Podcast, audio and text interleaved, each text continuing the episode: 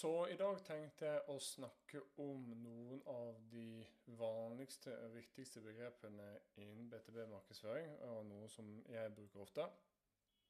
Eh, jeg bruker mange ulike begreper når jeg eh, snakker om markedsføring, skriver om markedsføring, og jeg får en del spørsmål om hva disse betyr. Så eh, det kan være ICP, LEAD, MQL, SQL osv.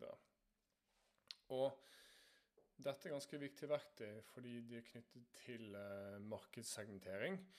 Og det er på en måte for oss å forstå eh, om vi kommuniserer med riktig selskap, eh, hvor i salgsprosessen er, eh, og hvor, eh, eh, hvor i salgsprosessen hvor langt en person eller et selskap har kommet i salgsprosessen. Så dette er begreper som vi kan bruke til å at vi kan unngå at CRM-systemet blir fulgt eh, opp av irrelevante kontakter.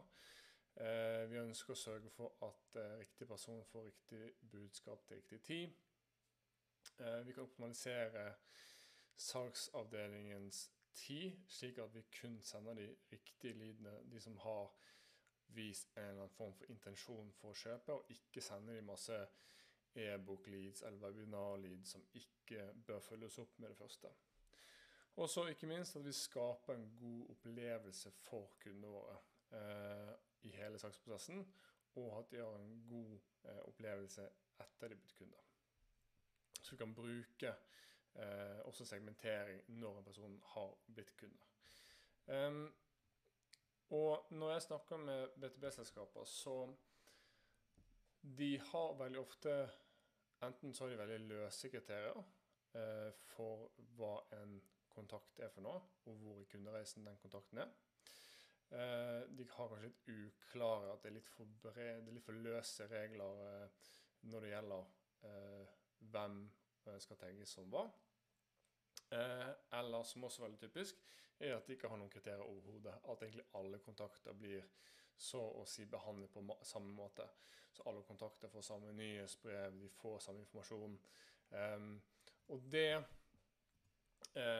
det er jo en mindre effektiv måte å, å markedsføre bedriftene på. Så jeg skal, gi, skal, prøve å gi noen definisjoner på de ulike begrepene som jeg bruker ofte. Eh, og så klart, jeg, jeg sitter ikke på fasesvaret. Det kan være mange ulike definisjoner avhengig av hvilken bedrift og marked eh, du jobber i. Eh, så dette er egentlig bare som noen forslag til hvordan du kan tenke rundt disse begrepene. Um, så la oss ta det, det, første begrepet. Det første begrepet det er ICP. Og ICP det står for Ideal Customer Profile, eller Ideal eh, Client Profile. Og en ICP det er et eh, begrep som skal beskrive, eller det er en profil av de selskapene som du ønsker å nå ut til å eh, tiltrekke, vinne og beholde som kunde. Um, og det er veldig viktig å differensiere en ICP fra en persona. Og en persona det er som regel en fiktiv representasjon av eh, din målgruppe. Men problemet med personas er jo at de er veldig ofte veldig konsensusbaserte. Man setter seg sammen i et styrerom, i et møterom, og så bare blir man enige om eh, man, man, man, gjør en del antagelser rundt hva og hvem de ulike kjøperne og hvem målgruppen er. Og veldig ofte så ender det opp med informasjon som ikke er så veldig overførbar til en faktisk markedsstrategi. Altså det er eh, eh, hobbyer, hvor mange barn de har og den type ting. Og det er informasjon, overfladisk informasjon som ikke kan brukes f.eks. til å påvirke salgsprosessen eller kjøpsprosessen til et eh, eh, softwareprodukt f.eks., eller konsulenttjenester. Så eh, en ICP vil si, En enkel måte å, eh, definere hva en ICP er, det er en detaljert profil på de selskapene eh, som kan ha mest nytt av det du tilbyr, eh, og som er på en best match med det du tilbyr, både budsjettmessig og, og behovet de har. Um, og sluttresultatet vil jo gjerne være en liste. En liste over selskaper som du ønsker å jobbe med, og som du gjennomfører veldig målrettet kommunikasjon mot. Eh, men en ICP den, det inneholder også eh, altså hvilke roller i et selskap som påvirker kjøpsbeslutningen. Så hvis du tenker på en BTB-salgsprosess, så er det jo mange personer som er involvert. Eh, noen har beslutningsmakt. Det kan være daglig leder, CFO f.eks. Og så er det kanskje noen som er påvirka. Dette er personer som kanskje ikke de kan ta den endelige beslutningen, men de kan påvirke positivt eller negativt. Eh, du har en ambassadør eh, som gjerne selger deg inn internt. Eh, så for, for oss for eksempel, så vil det ofte være en markedssjef som selger oss inn til en, en, en daglig leder og en salgssjef f.eks. En ICP inneholder også en, eller de ulike segmentene vertikalene man går etter. Man tenker på hvilke kvalifiserings- og diskvalifiseringskriterier man skal ha når man får inn en lead. Eh, man har eh, en forståelse av stegene i kundereisen, og hvor eh, de ulike beslutningstakerne og påvirkerne kommer inn i kjøpsprosessen, og hvordan du kan påvirke dem. Altså, hva slags verktøy, hva slags innhold kan vi produsere, som f.eks. Uh, utdanne en CTO om integrasjoner til produktet vårt, eller, eller sikkerheten til produktet, f.eks. Og en ICP vil enkelt og greit gjøre salgs- og markedsarbeidet mer målrettet. Du annonserer kun mot de selskapene som eh, har høyest uh, verdi for, for ditt, eh, din bedrift. det er enklere å produsere riktig innhold til riktig type målgruppe. Det er enklere med tanke på distribusjon. Du vet akkurat hvilke selskaper du skal kommunisere med. Um, og da er det jo desto enklere å definere eller evaluere effekten av markedsføringen. Fordi at um, sluttmålet er jo å generere henvendelser og av, uh, pipeline eller potensielle avtaler fra disse selskapene. Så la oss si om det er 100 selskaper eller 500 selskaper det går etter, eh, så er jo det nesten binært. ikke sant? Eh, vi fikk inn en salgskvalifisert lead. De ba om en demo, de ba om pris, og de kommer fra dette selskapet som vi allerede har prekvalifisert til en viss grad. Og så eh, Det neste begrepet er jo lead. Og lead er jo et eh, begrep som er mye brukt, men her kommer vi til et eksempel der eh, hva definisjonen av et lead er veldig løs. Um, Og for å ta det først, Hvis du har prospektert, hvis du har gått på en nettside, eller du har uh, hyret noen til å prospektere for deg, f.eks., uh, eh, og de har funnet informasjon på nett og laget det CRM-systemet eller et regneark, så vil jeg ikke definere dette som et lead. Så dette er bare kontaktinformasjon. Uh, I min verden så skal et lead i det minste ha vist noen form for intensjon og interesse i, i det ditt selskap tilbyr. Uh, og det kan jo være eh, De har meldt seg på et nyhetsbrev, de har meldt seg på et webinar.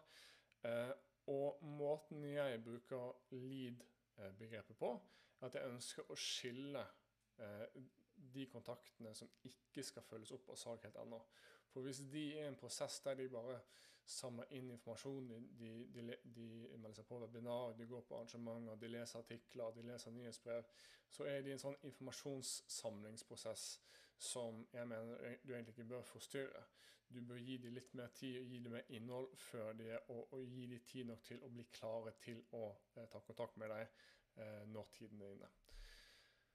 Og så har vi også eh, et, eh, eller det neste begrepet, som er markedskvalifisert lead. Eh, på engelsk sier vi MQL, eller MKL på norsk.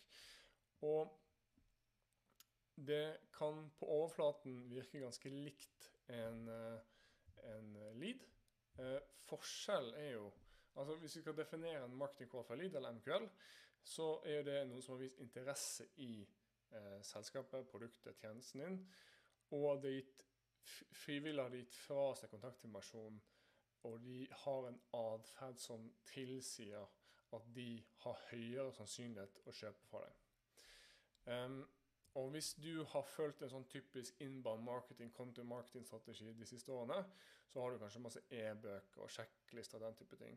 Så hvis en person laster ned en av disse, og de fyller ut eh, fornavn, etternavn, e-post, telefonnummer, tittel, så vil det ofte eh, tagges som en marketing qualified lead. Og, eh, men det som jeg skal det som jeg anbefaler eh, dere som hører på, eller dere som eh, ser på, er at jeg ville faktisk ikke brukt dette nøkkeltallet som eh, overhodet. Um, og hvis du følger litt samme tankegang som vi gjør Nettly, der vi går etter selskaper eller accounts istedenfor personerbasert og lead-basert markedsføring, Eh, hvis du har allerede kvalifisert listen fra før av, du har gjort den jobben og laget markedssegmentet, du har segmentert de vertikale som, eh, som er viktigst for, for, ditt selskap, så mener jeg også at det MQL-tallet blir litt overflødig. For som sagt, du er allerede prekvalifisert til en viss grad.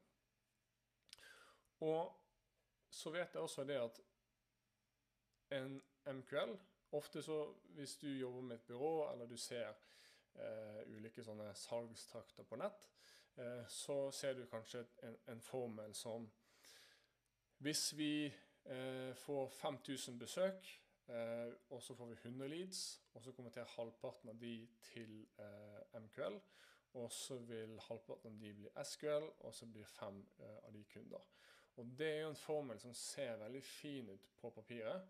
Eh, og du kan bare eh, justere prosent- eh, eller konverteringsratene mellom hvert nivå, og så ser det regnestykket veldig fint ut. Men det som er problemet med en MQL, er at de konverterer ofte veldig mye dårligere til en SQL eller en salgskvalifisert lead, som jeg skal snakke om straks, altså til møter, til demoer, enn mange av disse formlene viser.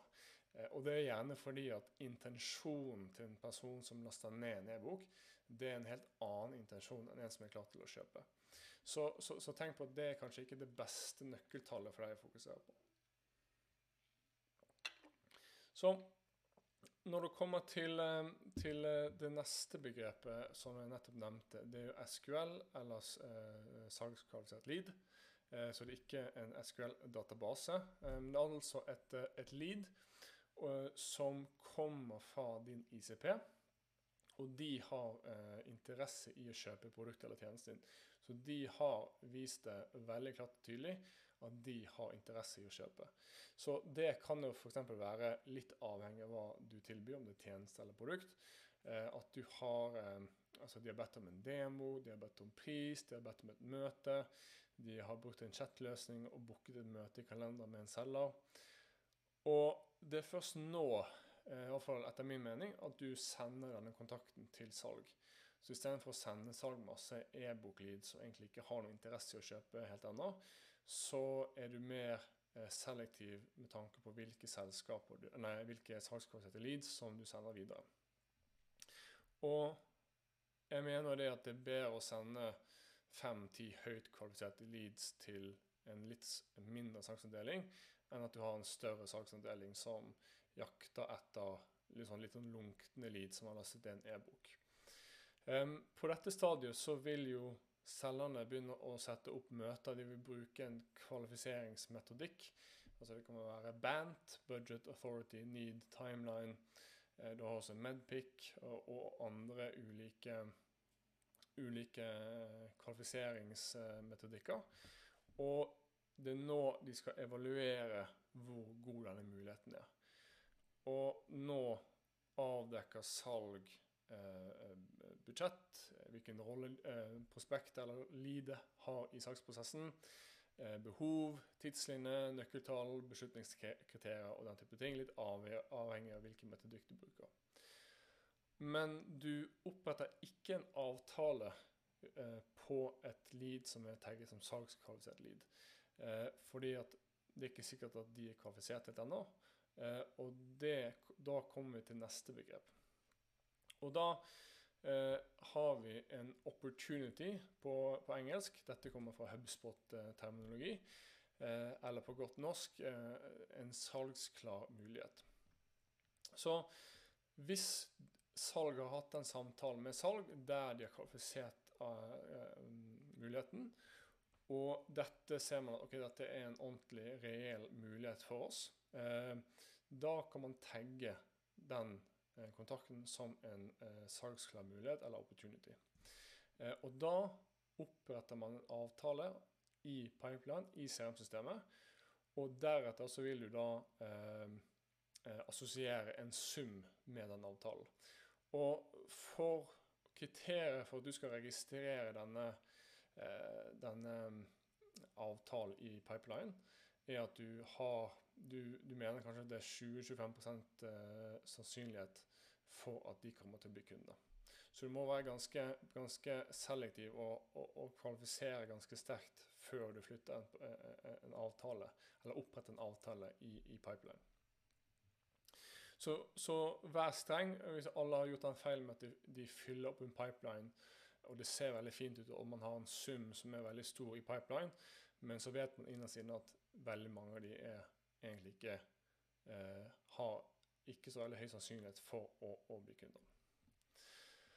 Og så Neste begrep er jo eh, kunde eller customer. Eh, og Det trenger i utgangspunktet ingen forklaring. Eh, men det er jo et segment som veldig ofte blir glemt i et BTB-segment. Eller eh, i, i BTB-markedet. Det er jo veldig sterkt fokus fra markedsfører og salg eh, med å tiltrekke og vinne nye kunder. Men vi vet jo det at i BTB, og BTC for den saks skyld, er at de, det er mye enklere å beholde en kunde enn det å, å, å vinne en ny en. Men likevel så får kundeservice og dette kundesegmentet litt for lite oppmerksomhet av og til. Um, og grunnen til at det er viktig å ha et eget segment, og at du segmenterer kundene dine i egne lister, og at det er veldig klart og tydelig hvem som er kunde og hvem som ikke er kunde, er at det åpner opp en del spennende muligheter for deg og din bedrift eh, med tanke på det å Eh, beholde kunden og drive mersalg. Så eh, la oss si at du ønsker å implementere en kundeserviceprosess. Så kan du f.eks. lage en egen pipeline for dine kunder. Så når en selger putter en avtale i eh, vunnet-kolonnen i CRM-systemet, så kan da du sende den, eh, den kontakten, den avtalen, det selskapet, til første steg i din kundeservice- eller onboarding-prosess. Så da kan du f.eks. ha en, en prosess som sier at ok, måned én så er det onboarding. og så i måned to så flytter du det til opplæring. Og så er det måned tre statusmøte. Eh, og så er det steg fire f.eks. For eksempel. og under den prosessen så kan du, så kan du eh, automatisere eh, f.eks. det å sende ut NPS-undersøkelser, spørreundersøkelser. Du kan spørre om referanser fra de kundene som har i den høye NPS-score. Eh, og du kan være proaktiv med de kundene som er misfornøyde eh, tidlig i prosessen, og på at det fanger opp og, og, og, og håndtere eh, misfornøyde kunder, f.eks., slik at de blir fornøyde kunder.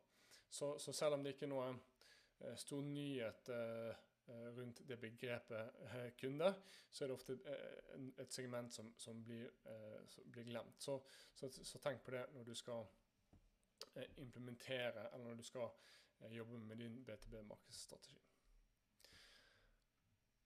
Så ønsket jeg å bytte tema til noe helt annet um, når det gjelder annonsering for BTB. Så et veldig vanlig spørsmål jeg får fra markedssjefer spesielt når det gjelder annonsering for BTB. Eh, så du har jo disse du har jo komplekse produkter, lange salgsprosesser, eh, produkter og tjenester høy verdi. Eh, hva er den optimale miksen mellom de ulike kanalene? Og de fleste BTB-bedrifter de vil jo gå rett til eh, Google Ads. Eh, de fokuserer mye på Google, både organisk og betalt generelt. Eh, og så naturligvis er det LinkedIn, som er ofte de to første, første valgene. Eh, og det kan godt være riktig at man skal prioritere eller bruke de kanalene, men det å svare på hvilken kanal som er best eh, Realiteten er at den ideelle miksen av annonsekanaler i BTB den er litt mer sammensatt for bedrifter med, med lange og komplekse saksprosesser. Eh, hvis du skal annonsere i BTB, så krever det to ting. Eh, eller du må oppnå to ting. Så det ene du må oppnå med annonsene, det er at du skaper synlighet og bygger merkevare. Fordi at hvis ingen vet om deg, så kan ingen kjøpe, deg, kjøpe fra deg. Det er ganske åpenbart. Og om du ikke forstår verdien og liksom verdiforslaget av det du tilbyr, eh, så kommer du ingen vei. Og så må du jo konvertere de som er aktive kjøpere, de som faktisk er en aktiv kjøpsprosess. De undersøker konkurrentene dine, eh, de googler etter ulike leverandører. Eh, og da må du være til stede i et Google-søk f.eks. og fange opp etterspørselen til de som er aktive kjøpere. Um, og du har jo sikkert hørt at uh, 99% av markedet de, de, de, er ikke i en aktiv kjøpsprosess. Uh, så du må på en måte fange opp den ene prosenten som er aktive kjøpere. Men så er jo også utfordringen å uh, gjøre en såpass god jobb i forkant er at når den ene prosenten kjøper, så går de og søker på deg og ikke på konkurrentene. Så, så da er liksom spørsmålet hva gjør du for å eh, annonsere på en måte som at når den ene prosenten er klar, at de, at de kommer til deg. Og det du må gjøre, er at du må skape etterspørsel først. Og så må du fange etterspørsel etterpå. Du kan ikke kun fokusere på det og, og, og konverteringer og leads og, og, eh, og den konverteringsbiten. For veldig mange bedrifter de er veldig fokusert på den konverteringsbiten. De er fokusert på leads, eh, kortsiktig omsetning. Dette faller gjerne inn under den der eh, performance marketing-kategorien. Det er veldig snakk om eh, målbarhet, datadrevet. Alt skal knyttes til et salg, til, et sånn forretningsmål. Men hvis Eller det er ofte derfor veldig mange bedrifter innen BTB de putter veldig mye penger i eh, Google Ads, og så putter de mindre penger på f.eks. LinkedIn, Facebook eh, og, og, enda mindre på YouTube og, og Instagram. Så hvis vi tar utgangspunkt i målet til en BTB-bedrift, eh, det er å få flere kunder, få flere møter eh, og, og vokse, så da må vi lage en optimal miks av de ulike annonsekanalene. Så la oss tenke på hvordan du bruker som si, en, en, en, consumer, en kjøper, som, eh, eh, du, hvordan du bruker Facebook, Instagram og LinkedIn. Så når du bruker disse kanalene, så du går ikke på Facebook, LinkedIn eller Instagram eller YouTube for å kjøpe noe. Du ønsker å eh, Eh, lære noe, du ønsker å bli eh, underholdt. Du ønsker ikke å bli pushet inn i noen sin saksprosess. Um, og man kan ikke behandle sosiale medier som en direkte sakskanal. Og, men det som sosiale medier som Facebook, LinkedIn og, og Instagram er veldig gode på, det er å nå ut til din målgruppe. Fordi at målgruppen din er nesten garantert på en eller flere av disse, disse kanalene. Eh, og, men disse kanalene er ekstremt gode til å, eller egnet til å nå ut til et stort volum av mennesker til en lav, veldig lav pris. Eh, og du kan gi ut informasjon som utdanner de om løsningen din og om selskapet ditt, eh, og som på en måte bygger etterspørsel og bygger synlighet og bygger merkevare før de klarte å kjøpe. Så for de 99% som ikke klarte å kjøpe, så, oppnår, så, kan du annonsere på en måte som gjør at de, de når de er klare, så tenker de på deg. Um, og min mening og måten jeg utformer uh, strategier for kunder, er at du hovedsakelig bruker Facebook, Instagram, LinkedIn til å promotere relevant innhold uten å forvente noe tilbake. Så du, du, annonserer ikke på de kanalene for å generere leads og få møter. Du bruker bare de kanalene for å få ut budskapet ditt og utdanne markedet ditt om, om det du tilbyr. Um, så du bruker ikke uh, disse lead gen forms og, og du, du, prøver ikke å samle inn kontaktinformasjon. For det er ingen som går på disse sosiale mediekanalene for å kjøpe dyr software eller, eller, konsulenttjenester. Eller et, eh, eller et industriprodukt, f.eks. Og hvis du tenker på det, så du trenger ikke engang å sende folk til nettsiden. Så du, hvis du um, hvis du bare legger ut en video på sosiale medier, eller legger ut bilder eller bare tekstinnlegg på LinkedIn f.eks. Eh, hvis du får det foran riktig målgruppe, så vil det hjelpe deg på sikt. For som sagt, hvis du har dette innholdet foran riktig målgruppe over tid, så vil de faktisk tenke på deg når de er klare og de har behovet for det du tilbyr. For du har på en vært top of mind, du har på en bygget mindshare over lengre tid. Eh, og det er jo ekstremt viktig i en lang BTB-saksprosess. Men igjen, ikke forvent at, at du skal legge ut annonser på Facebook, og så skal det bare eh, folk skal klikkes inn og, og booke møter og, og kjøpe, kjøpe, produktene eller tjenestene. Altså Det kan selvfølgelig skje, men det er lite sannsynlig, og det er ikke en strategi jeg ville, eh, ville jeg hadde ikke hatt, det, hatt den forventningen. Og så kommer vi til den andre delen av eh, formelen, så å si. Eh, og det er den konverteringsbiten. Og da snakker jeg primært om Google Ads. Og du har kanskje hørt statistikk om at eh, 89% av eh, BTB-kjøp starter i Google.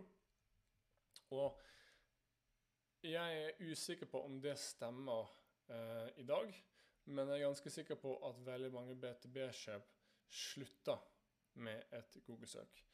Eller avsluttes med et Google-søk. Så hvis du har vurdert et CRM-system i, i, lang, lang tid, eh, og du har lest masse innhold, du har funnet ut hvilken leverandør som er, som er eh, eh, best match for deg.